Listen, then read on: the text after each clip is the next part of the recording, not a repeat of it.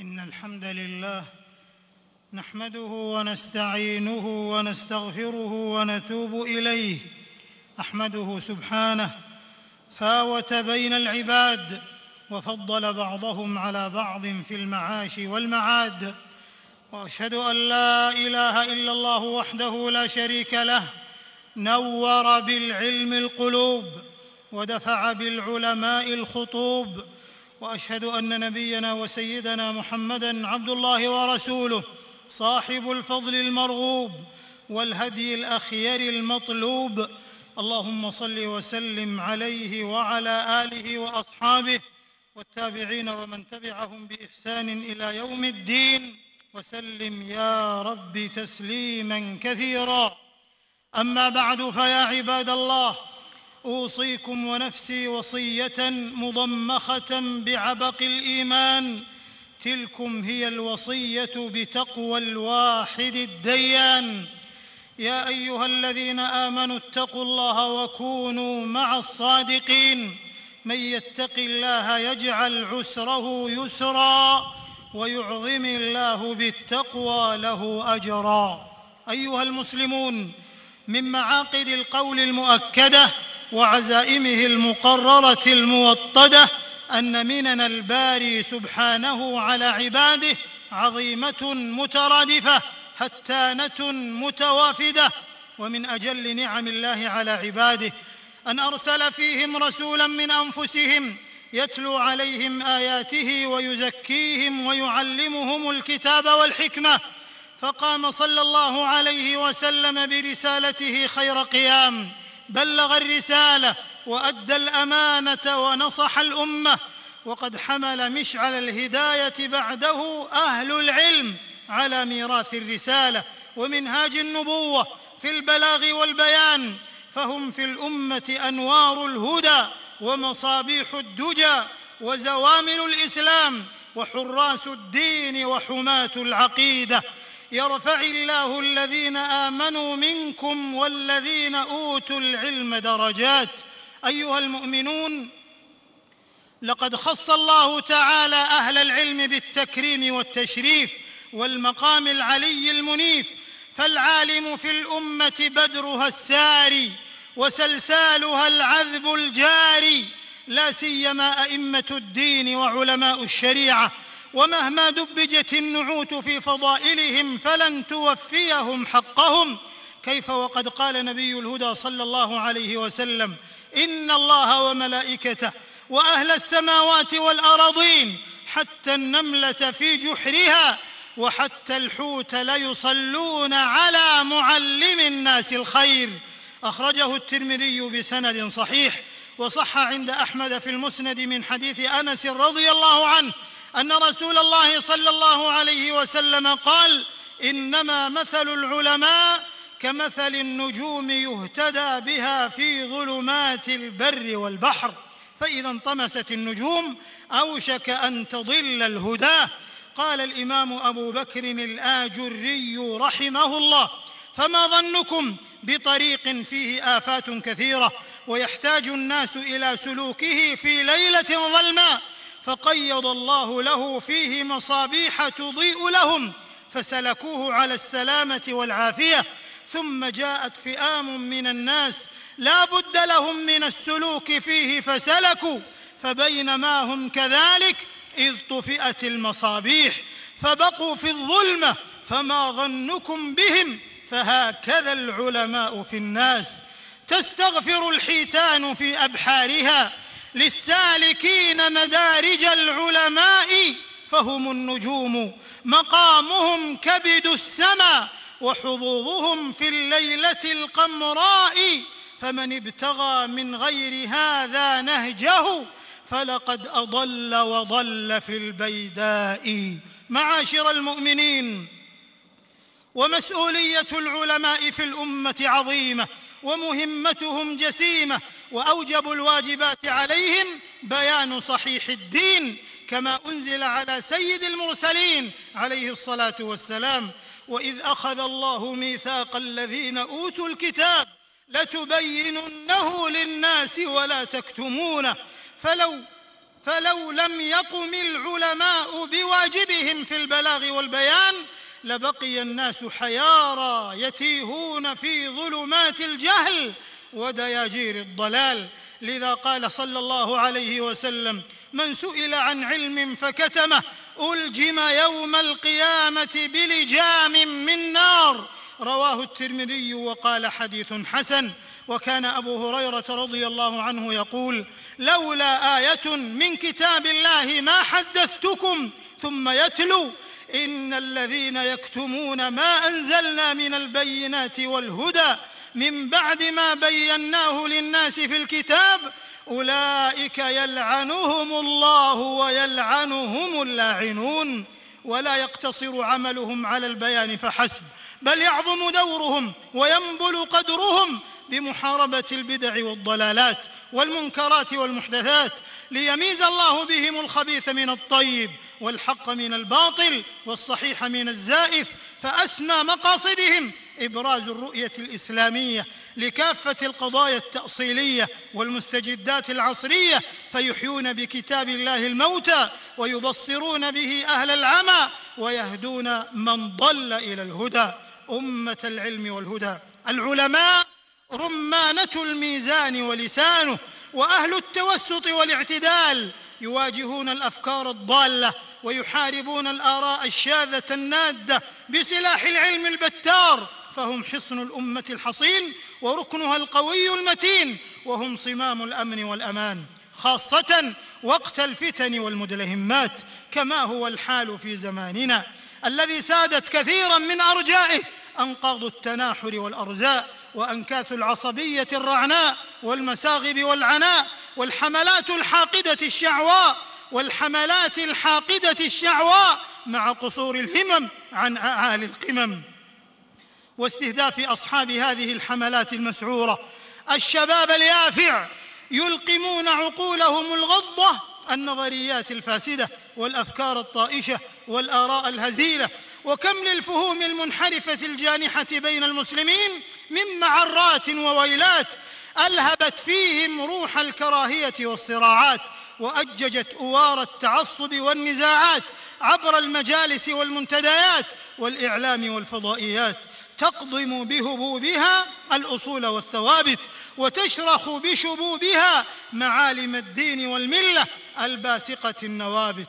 كيف وقد عظمت الفتنة؟ بالوقيعة بالعلماء وبث الشائعات المغرضة عنهم. لا سيما فيما يعرف بالإعلام الجديد ومواقع التواصل الاجتماعي.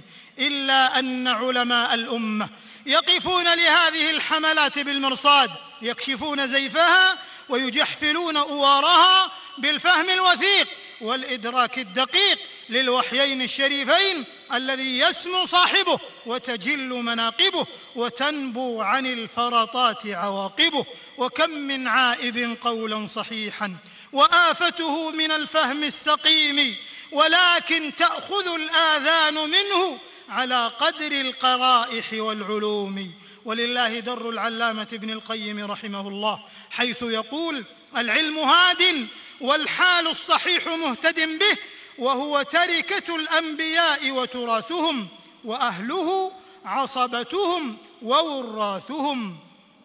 معاشر المسلمين وفي زمن الانفتاح الإعلامي العالمي بفضائياته وتقاناته يلزم العلماء بذل مزيد الجهود لتحقيق أسمى القصود في تصحيح المفاهيم المدخولة العليلة والآراء الجافية الوبيلة وبيان المنهج الحق وآلياته في التلقي عن الله ورسوله صلى الله عليه وسلم وإدراك معاقد مرادهما وأن تجيش في سبيل ذلك كل الطاقات والإمكانات من الدعاة الفضلاء ورجال الإعلام وحملة الأقلام لمؤازرة العلماء في مهمتهم مع ربط الأمة بفهوم السلف الأخيار لأنهم كما قال الإمام الشافعي رحمه الله وآراؤهم لنا أحمد وأولى لنا من آرائنا عندنا لأنفسنا.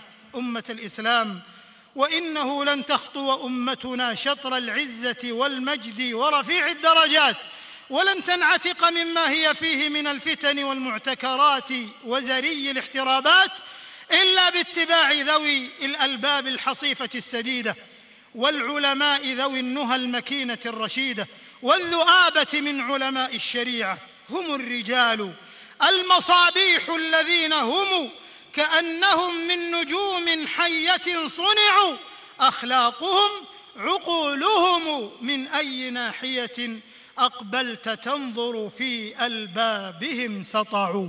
وحسب العالم يا عباد الله أن تسلم له عقيدته ودينه. وحاشا لله أن يتنازل الراسخون في العلم عن شيء من ثوابت دينهم أو أن يرضوا أحدا من الناس كائنا من كان. بما يسخط الله أو أن تختطف عقولهم وفهومهم إلى ما يخالف سنة الحبيب رسول الله صلى الله عليه وسلم. ولم أقض حق العلم.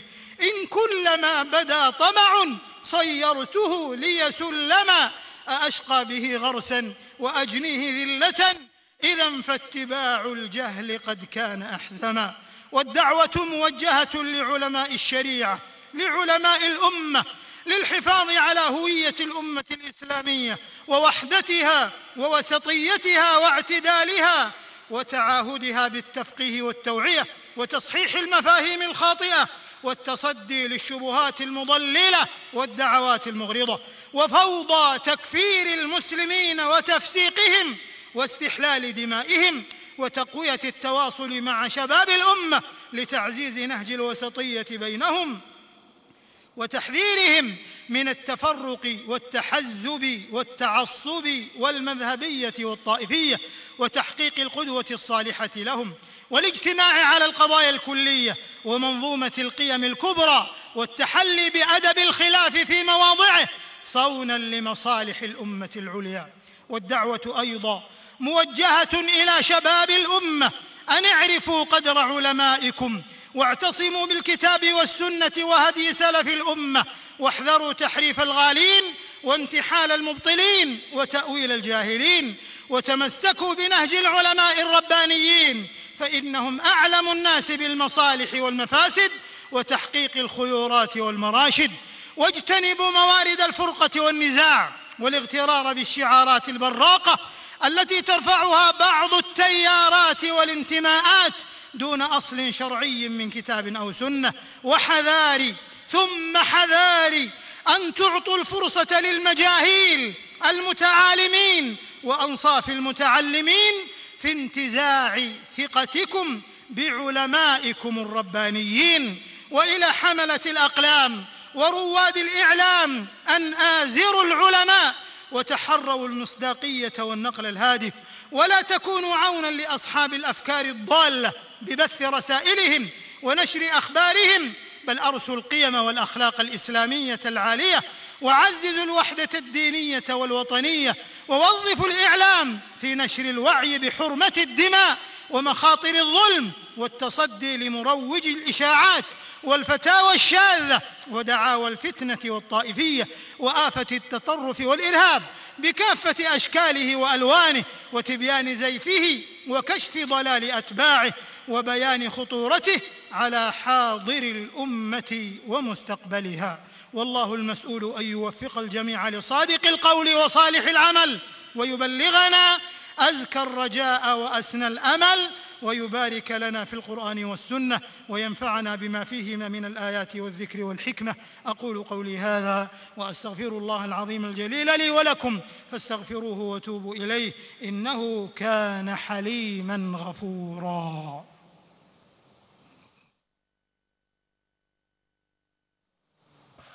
الحمد لله الذي علم بالقلم علم الإنسان ما لم يعلم. والصلاة والسلام على النبي الأكرم صلى الله وسلم وبارك عليه وعلى آله وصحبه رموز المعارف والقيم والتابعين ومن تبعهم بإحسان إلى يوم الدين. أما بعد فاتقوا الله عباد الله واحذروا زور القول ودخله ومنكر الرأي وخطله واتبعوا صالح العمل ومثله تفلحوا وتفوزوا وللخيرات تحوزوا. إخوة الإسلام وإنه ليجدر بأبناء الأمة أن يرعوا للعلماء حقهم ويعرفوا لهم فضلهم ويرفعوا مكانتهم وذلك بمحبتهم وموالاتهم واحترامهم وتقديرهم. روى الإمام أحمد والحاكم من حديث عبادة بن الصامت رضي الله عنه أن رسول الله صلى الله عليه وسلم قال ليس منا من لم يجل كبيرنا ويرحم صغيرنا ويعرف لعالمنا حقه.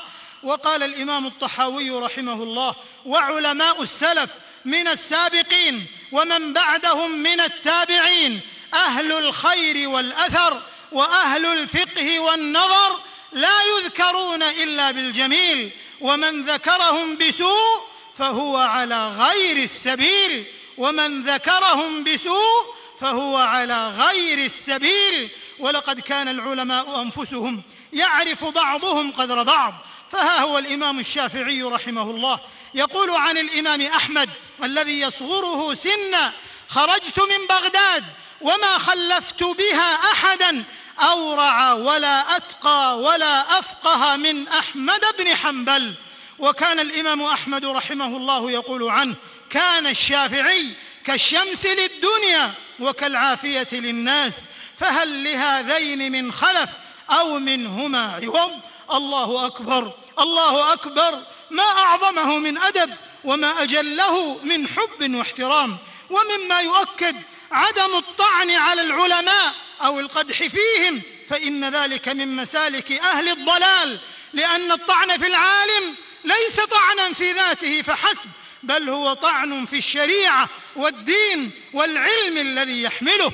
كيف وهم الموقعون عن رب العالمين؟ قال الحافظ ابن عساكر رحمه الله وعادة الله في هتك أستار منتقص العلماء معلومة لأن الوقيعة فيهم بما هم منه براء أمره عظيم والتناول لأعراضهم بالزور والافتراء مرتع وخيم ومن أوقع لسانه في العلماء بالثلب ابتلاه الله قبل موته بموت القلب. ومن حق أهل العلم الرجوع إليهم والصدور عنهم خاصة في النوازل والمستجدات وعند حصول الفتن ووضع الثقة بهم. يقول الإمام الحسن البصري رحمه الله الفتنة إذا أقبلت عرفها كل عالم وإذا أدبرت عرفها كل جاهل فهم أهل الدراية لا سيما عندما تشتبه الأمور وتلتبس الحقائق ويكثر التشويش والخلط حينئذ تعطى القوس باريها ليقول أهل العلم قولتهم والناس لهم تبع ومما ينبغي التماس الأعذار لهم والأصل عند علماء الإسلام التماس العذر لعامة الناس فكيف بعلمائهم؟ كما يجب الحذر من تتبع الزلات وتلمس السقطات وابداء السوءات والنفخ في الهنات فالعالم بشر بشر غير معصوم قال بعض السلف المؤمن يلتمس المعاذير والمنافق يطلب الزلات والخلاف بينهم يطوى فلا يروى والخلاف بين العلماء يطوى فلا يروى. فكيف بأولياء الله الذين إذا رؤوا ذكر الله فهم عصمة للأمة من الضلال وهم سفينة نوح من تخلف عنها لا سيما في زمن الفتن كان من المغرقين فكم من قتيل لإبليس قد أحيوه وكم من ضال تائه قد هدوه فما أحسن أثرهم على الناس وما أقبح أثر الناس عليهم والله المستعان.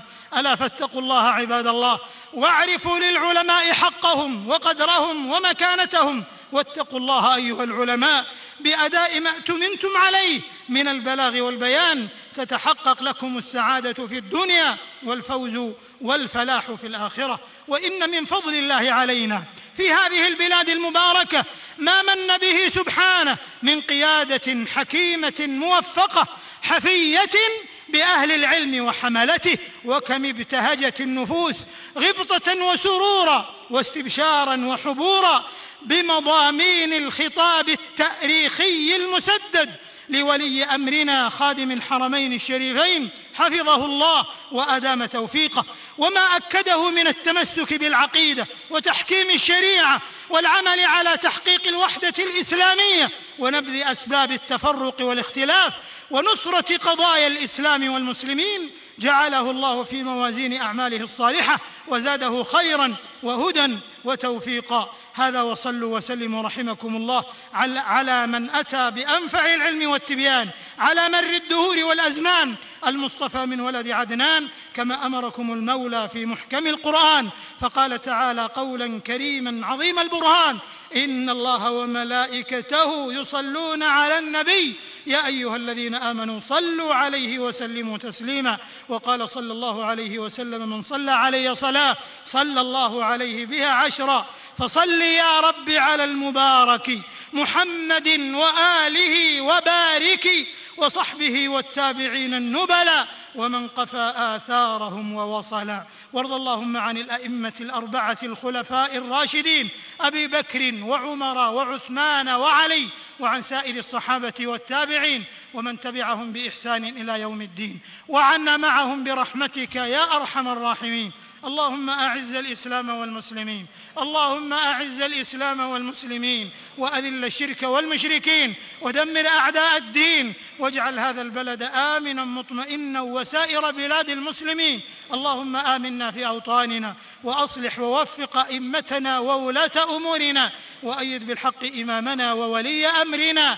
اللهم وفقه لما تحب وترضى وخذ بناصيته للبر والتقوى وهيئ له البطانة الصالحة التي تدله على الخير وتعينه عليه. اللهم وفقه ونائبيه وأعوانه وإخوانه إلى ما فيه عز الإسلام وصلاح المسلمين وإلى ما فيه الخير للبلاد والعباد. اللهم وفق جميع ولاه المسلمين لتحكيم شرعك واتباع سنة نبيك صلى الله عليه وسلم.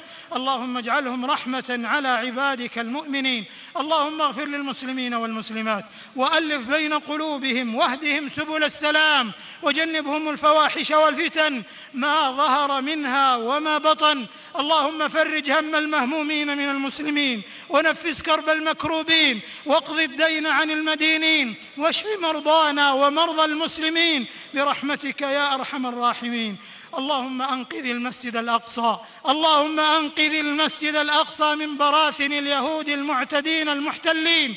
اللهم اجعله شامخا عزيزا إلى يوم الدين. اللهم انصر إخواننا في فلسطين. اللهم اجمع كلمة إخواننا في العراق.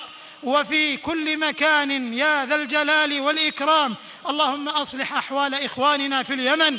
اللهم وفقهم لمن يحكمهم بكتابك وسنة نبيك. صلى الله عليه وسلم يا رب العالمين. اللهم كل إخواننا في بلاد الشام. اللهم احقن دماءهم. اللهم احقن دماءهم. اللهم احقن دماءهم. وأصلح أحوالهم يا ذا الجلال والإكرام. اللهم كل إخواننا في بورما وأفريقيا الوسطى وفي كل مكان يا ذا الجلال والإكرام. يا حي يا قيوم يا حي يا قيوم يا حي يا قيوم. برحمتك نستغيث فلا تكلنا إلى أنفسنا طرفة عين وأصلح لنا شأننا كله. ربنا آتنا في الدنيا حسنة وفي الآخرة حسنة وقنا عذاب النار. ربنا ظلمنا أنفسنا وإن لم تغفر لنا وترحمنا لنكونن من الخاسرين. ربنا اغفر لنا ولإخواننا الذين سبقونا بالإيمان ولا تجعل في قلوبنا غلا للذين آمنوا ولا تجعل في قلوبنا غلا للذين آمنوا. ربنا إنك رؤوف رحيم. ربنا تقبل منا إنك أنت السميع العليم. وتب علينا إنك أنت التواب الرحيم. واغفر لنا ولوالدينا ووالديهم وجميع المسلمين والمسلمات الأحياء منهم والأموات. إنك سميع قريب مجيب الدعوات. سبحان ربك رب العزة عما يصفون. وسلام على المرسلين والحمد لله رب العالمين.